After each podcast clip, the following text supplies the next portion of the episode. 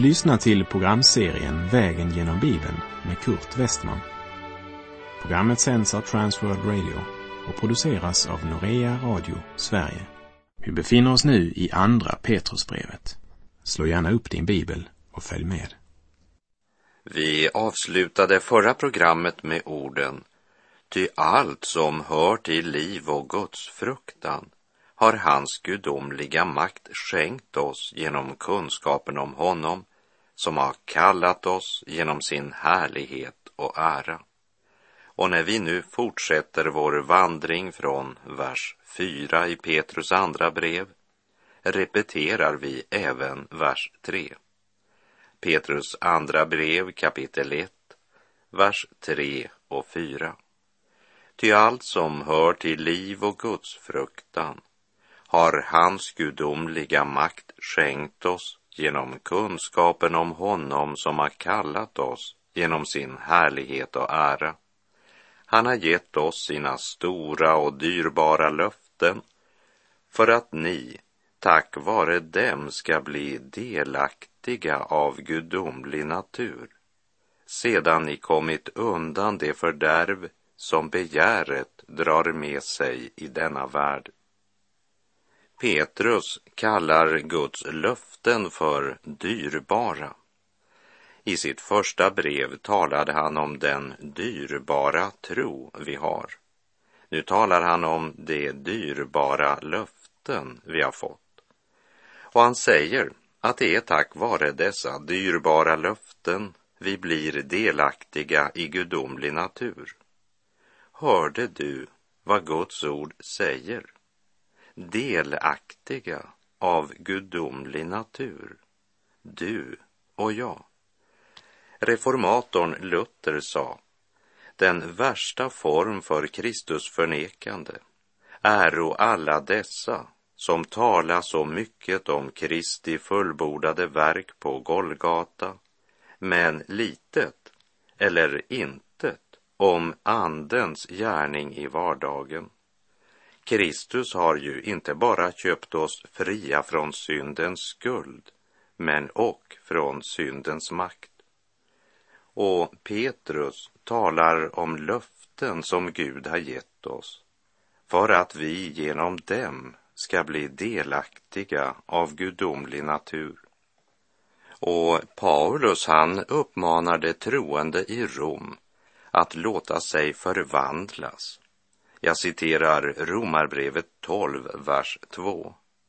Anpassa er inte efter den här världen, utan låt er förvandlas genom sinnets förnyelse, så att ni kan pröva vad som är Guds vilja, vad som är gott och fullkomligt och som behagar honom. Det han här skriver det kan endast ske i kraft av att vi är förlåtna syndare, friköpta genom Lammets blod. Och i Kristus blir inte förmaningen en dom, men en uppmuntran som blir oss till förnyelse. Och förnyelsen sker i vårt inre, sinnets förnyelse. Och den som inte lever i förnyelse kan inte heller avgöra vad som är Guds vilja. Den som anpassar sig efter världen förlorar förmågan att avgöra vad som är Guds vilja. Därför är det viktigt att inte anpassa sig efter den här världen utan låta oss förvandlas. Låt er förvandlas. Det vill säga, det är något som du måste välja.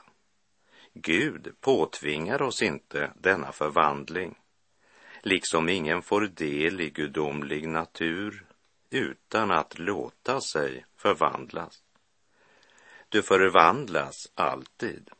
Frågan är bara i vilken riktning. Vad fyller du dig med? Vad upptar dina tankar? Vad läser du? Vilka vänner väljer du? Vad är det viktigaste för dig? Ett bekvämt liv eller personlig helgelse? Att få del i gudomlig natur förvandlar vårt viljeliv. Det handlar om något långt mera än att bara rädda sig undan denna världens miljöförstöring. Det handlar om att bli frälst från denna världens korruption. Miljöförstöringen kommer utifrån. Korruptionen kommer inifrån. I Matteus 15, vers 18 och 19 säger Jesus men det som går ut ur munnen kommer från hjärtat och det gör människan oren. Ty från hjärtat kommer onda tankar, mord, äktenskapsbrott, otukt, stöld, falskt vittnesbörd och hädelser. Och till sin unga medarbetare Timoteus skriver Paulus i första Timoteusbrevets sjätte kapitel verserna 9 till och med 11. Men det som vill bli rika, de råkar ut för frestelser och snaror och många oförnuftiga och skadliga begär som störtar människor i fördärv och undergång. Ty kärlek till pengar är en rot till allt ont. I sitt begär efter pengar har somliga kommit bort från tron och vållat sig själva mycket lidande. Men du, Guds man, håll dig borta från sådant. Sträva efter rättfärdighet, Guds fruktan, tro, kärlek, uthållighet och ödmjukhet. Eller som det uttrycks i Romarbrevets tolfte kapitel. Låt dig förvandlas genom sinnets förnyelse. Och vi bör verkligen lägga märke till vad Petrus säger om Gud.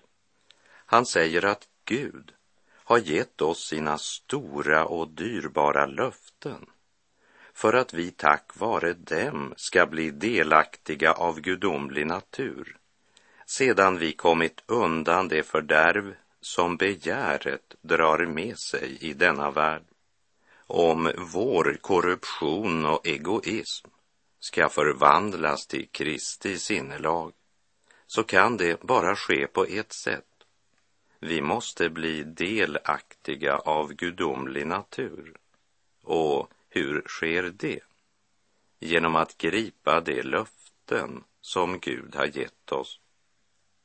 Genom att inte bara vara ordets hörare men också ordets görare. För den kunskap som inte får någon praktisk konsekvens i våra liv är inte tro, utan bara en teori. Och då är det ingen hjälp i att teorin är god. Men här är det viktigt att nämna att få del i gudomlig natur betyder inte att vår gamla natur dör eller försvinner. Snarare leder den nya födseln till en konflikt i vårt inre, där det nu är två naturer som kämpar om makten. Vi kan säga att det är friden som skapar striden, precis som i Abrahams hus. När var det Ismael började bråka? Ja, det sker ju efter att Isak har fötts. Att Isak blev född, det skapade ju verkligen en hel del problem i Abrahams familj. Det är efter att löftessonen blivit född som konflikten börjar. Från vår vandring genom Första Mosebok kapitel 21 minns vi hur pojken som var född av trälkvinnan Hagar spottar och driver gäck med honom som blev född i kraft av löftet.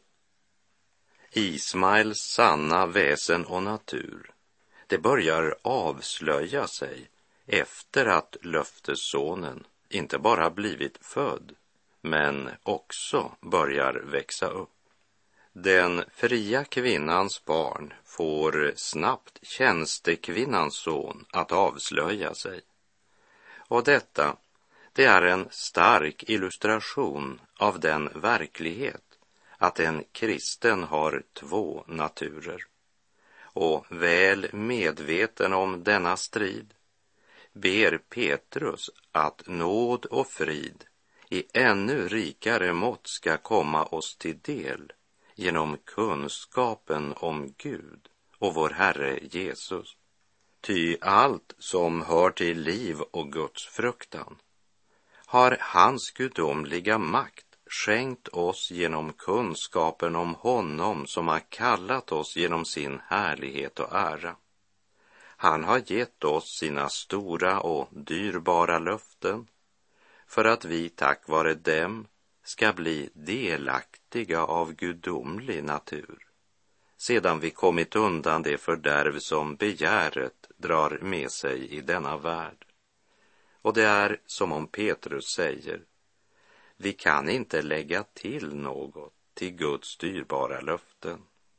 Och det är underbart att få del i gudomlig natur. Men ändå så är det bara början. Det handlar om något mycket mera än frälsning. Därför skriver också Paulus i Efeserbrevets första kapitel, vers 18 och 19. Jag ber att era hjärtan ska upplysas så att ni förstår vilket hopp han har kallat er till och hur rikt på härlighet hans arv är bland de heliga och hur oerhört stor hans makt är i oss som tror, därför att hans väldiga kraft är verksam. Och Petrus påminner om att Gud har gett oss sina stora och dyrbara löften för att ni tack vare dem ska bli delaktiga av gudomliga natur sedan ni kommit undan det fördärv som begäret drar med sig i denna värld. Vilken konsekvens får det i ditt och mitt liv idag?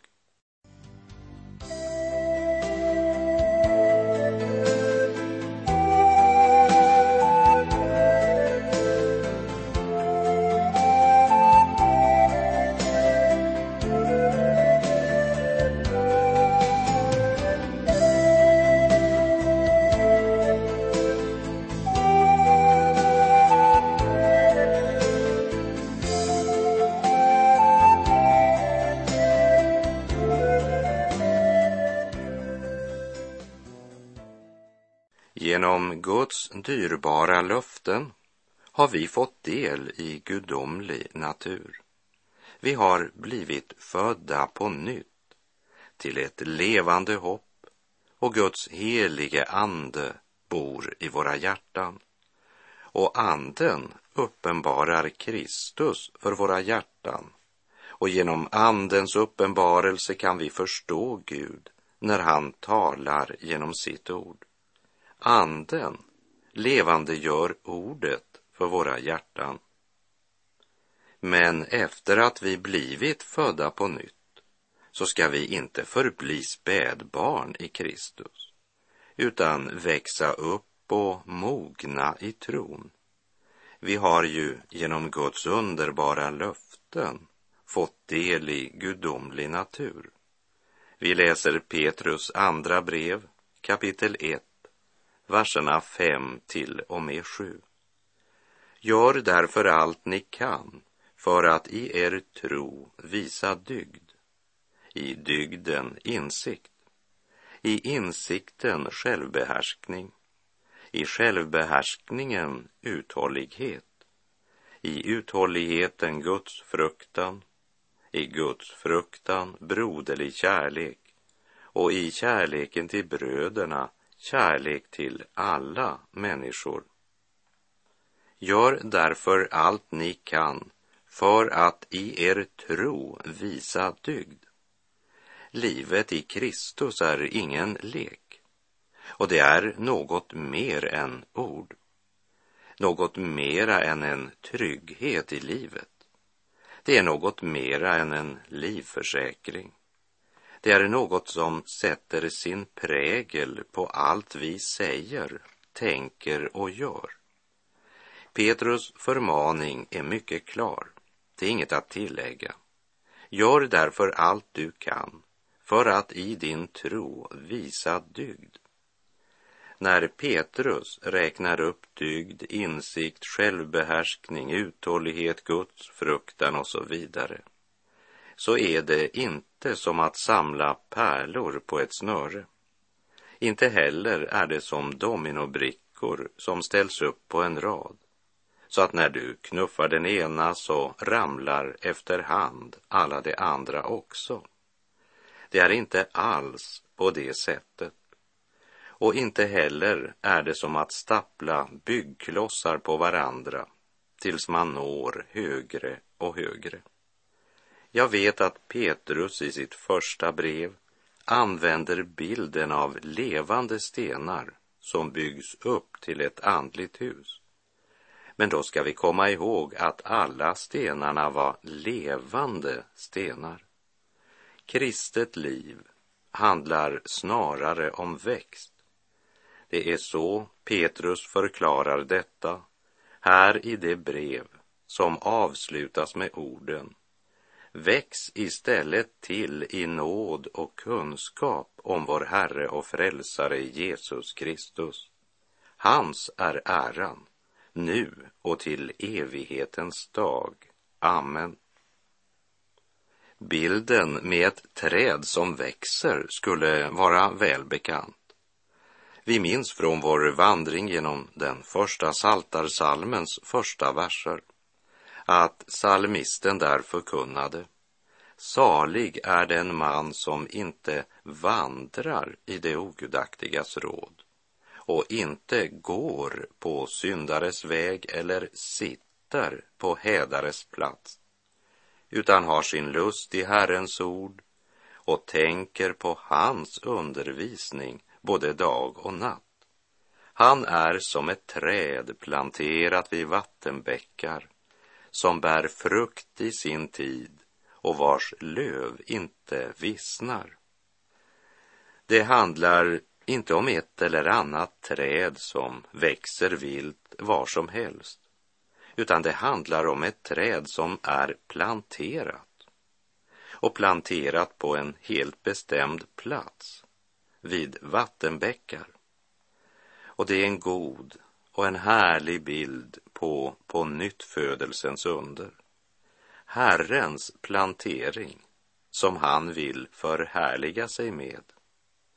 Ett uttorkat träd förhärligar inte trädgårdsmästaren. Ute i skogen så sker det två saker. Det träd som lever växer och det träd som är dött vissnar bort och förruttnar. Det är de två processer som föregår i skogen. Och en av dessa processer sker också i ditt och i mitt trosliv. Är du ett Guds barn så är det naturligt att växa. Och Petrus nämner olika frukter som kännetecknar andlig växt. Att det inte handlar om prestation, men om trons frukt. Det förstår vi när vi lägger märke till vad Petrus säger här. Gör därför allt ni kan för att i er tro visa dygd, i dygden insikt och så vidare. Här talar han om frälsande tro. Den tro som gör dig delaktig i gudomlig natur. Den tro genom vilken du fick del i syndernas förlåtelse och som gav dig hela Kristi rättfärdighet. Om du verkligen har tagit emot detta så att det är ditt, så kommer det att visa sig i dygd, insikt, självbehärskning, Guds fruktan och så vidare. Men det sker inte automatiskt. Det vet Petrus efter att ha vandrat tillsammans med Jesus under många år och sedan själv nu lever i denna kamp där han gör allt han kan för att i sin tro visa dygd och insikt. Dygd, det talar om praktisk sedlighet, moral och omsorg som med fasthet står emot världens och tidsandans strömningar. Insikt, det talar om en stark övertygelse förenad med en sund balans som varken leder till fanatism eller till likgiltighet. Men samtidigt måste jag då säga att den som med frimodighet vittnar om sin tro och tydligt talar om vad Guds ord lär på olika områden. Han vill nog av många stämplas som fanatiker, av den som inte vill överge sin synd.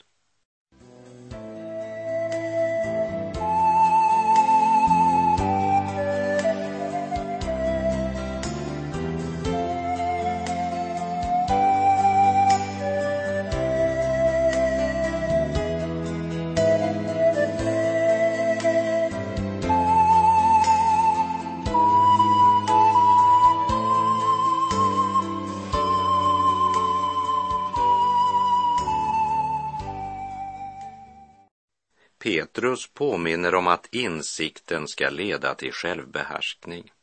Det vill säga insikten får inte bara bli en teoretisk kunskap som blir ett vapen i diskussioner om doktriner. Insikten består inte i en bok under armen, men i en ström i vårt inre. En av trons frukter är självkontroll eller rättare sagt att Gud får lov att kontrollera också vårt temperament. Den frid som blivit vår genom tron borde också bli synlig för andra genom vårt sinnelag och våra hållningar. Tron består ju i en innerlig och nära gemenskap med Herren Jesus, vars frukt är att vi gärna försakar oss själva. Försakelsen består ju inte i asketism, utan är att vi har vår glädje i Gud och är uthålliga under lidanden och prövningar. Guds fruktan talas det inte om så ofta idag, men Guds ord talar klart om Guds fruktan. Och det handlar verkligen om något mera än en from fasad. Till Timoteus skriver Paulus följande ord i Andra Timoteusbrevets tredje kapitel. Det ska du veta, att i de sista dagarna ska det komma svåra tider. Människorna kommer att älska sig själva och vara penningkära, skrytsamma, stolta, hånfulla, olydiga mot sina föräldrar, otacksamma, gudlösa, kärlekslösa, oförsonliga, skvalleraktiga, obehärskade, råa, fientliga mot det goda, falska, egensinniga och högmodiga. De skall älska njutning istället för Gud och ha ett sken av Guds fruktan, men förneka dess kraft. Håll dig borta från dem. Vi ska inte bara ha ett sken av gudsfruktan. Vi är kallade att leva i helgelse och gudsfruktan. Och gudsfruktan ska leda till broderskärlek, ja, till kärlek till alla människor. Vi läser vers 8. Ty om allt detta finns hos er och växer till, blir ni inte overksamma eller utan frukt när det gäller kunskapen om vår Herre Jesus Kristus. Petrus talar inte om att diskutera doktriner. Han talar inte om religiösa ritual eller traditioner. Han talar inte om kristendomens fasader. Han talar om vår inre människa. Om allt detta finns hos er. Ja, den frågan är väl värd att meditera över. Om vi menar oss ha ett äppelträd så borde det också växa äpplen på det. För på frukten ska ju trädet kännas. Om tron verkligen finns i vårt liv och får växa till så kan vi inte bli overksamma. Vi kan inte bli utan frukt, säger han. Tror vi Guds ord? Ty om allt detta finns hos er och växer till. Vad menar Petrus med allt detta? Ja, han har ju just räknat upp dygd, insikt, självbehärskning, uthållighet, Guds fruktan, broderskärlek och kärlek till alla människor. Vi läser vers 9. Men den som saknar detta är närsynt, ja blind, eftersom han har glömt att han blev renad från sina tidigare synder. Det är sannerligen kraftiga rätter Petrus serverar. Utan bomullsinpackning säger han rakt ut att den som saknar detta som han nämner i verserna 5 till och med 7, han är närsynt. Och så går han ytterligare ett steg och säger blind. Den som inte har dessa frukter och inte heller lägger vind på att vinna kunskap om Kristus och hans dyrbara löften är inte bara andligt svagsynt, men faktiskt blind. Det är allvarligt. Och här tror jag att Petrus sätter fingret på en öm punkt som drabbar både de sterila församlingar som blivit mer traditionstrogna än bibeltrogna och styvnat i ritual och invanda former.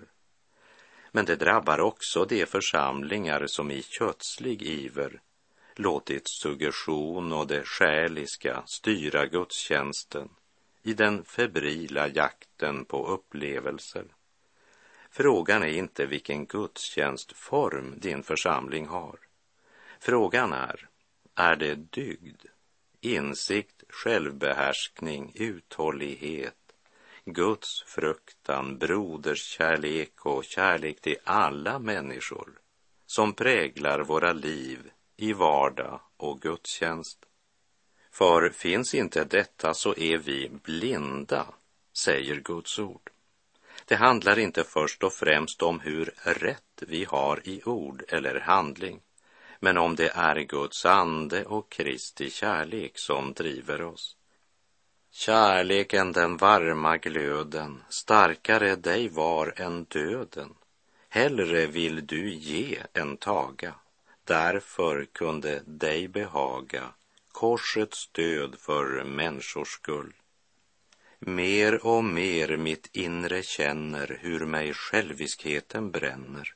Skuld och sorg och tvivlets plåga bringar hjärtat till att fråga finnes någon hjälp för mig. Därför beder jag i tårar, låt en flod från fjärran vårar hjärtats djupa kärle smälta, alla hinder undanvälta, all min blodskuld skölja bort. En gång jag som alla andra genom dödens älv skall vandra, men jag fruktar ej dess bränning, ty din död är lösepenning ända fram till livets strand. Ja, jag tror på korsets gåta den kan himlens port upplåta och fast fienderna rasa sist i dödens bittra fasa öppnas nådens paradis. Herren vare med dig. Må hans välsignelse vila över dig. Gud är god.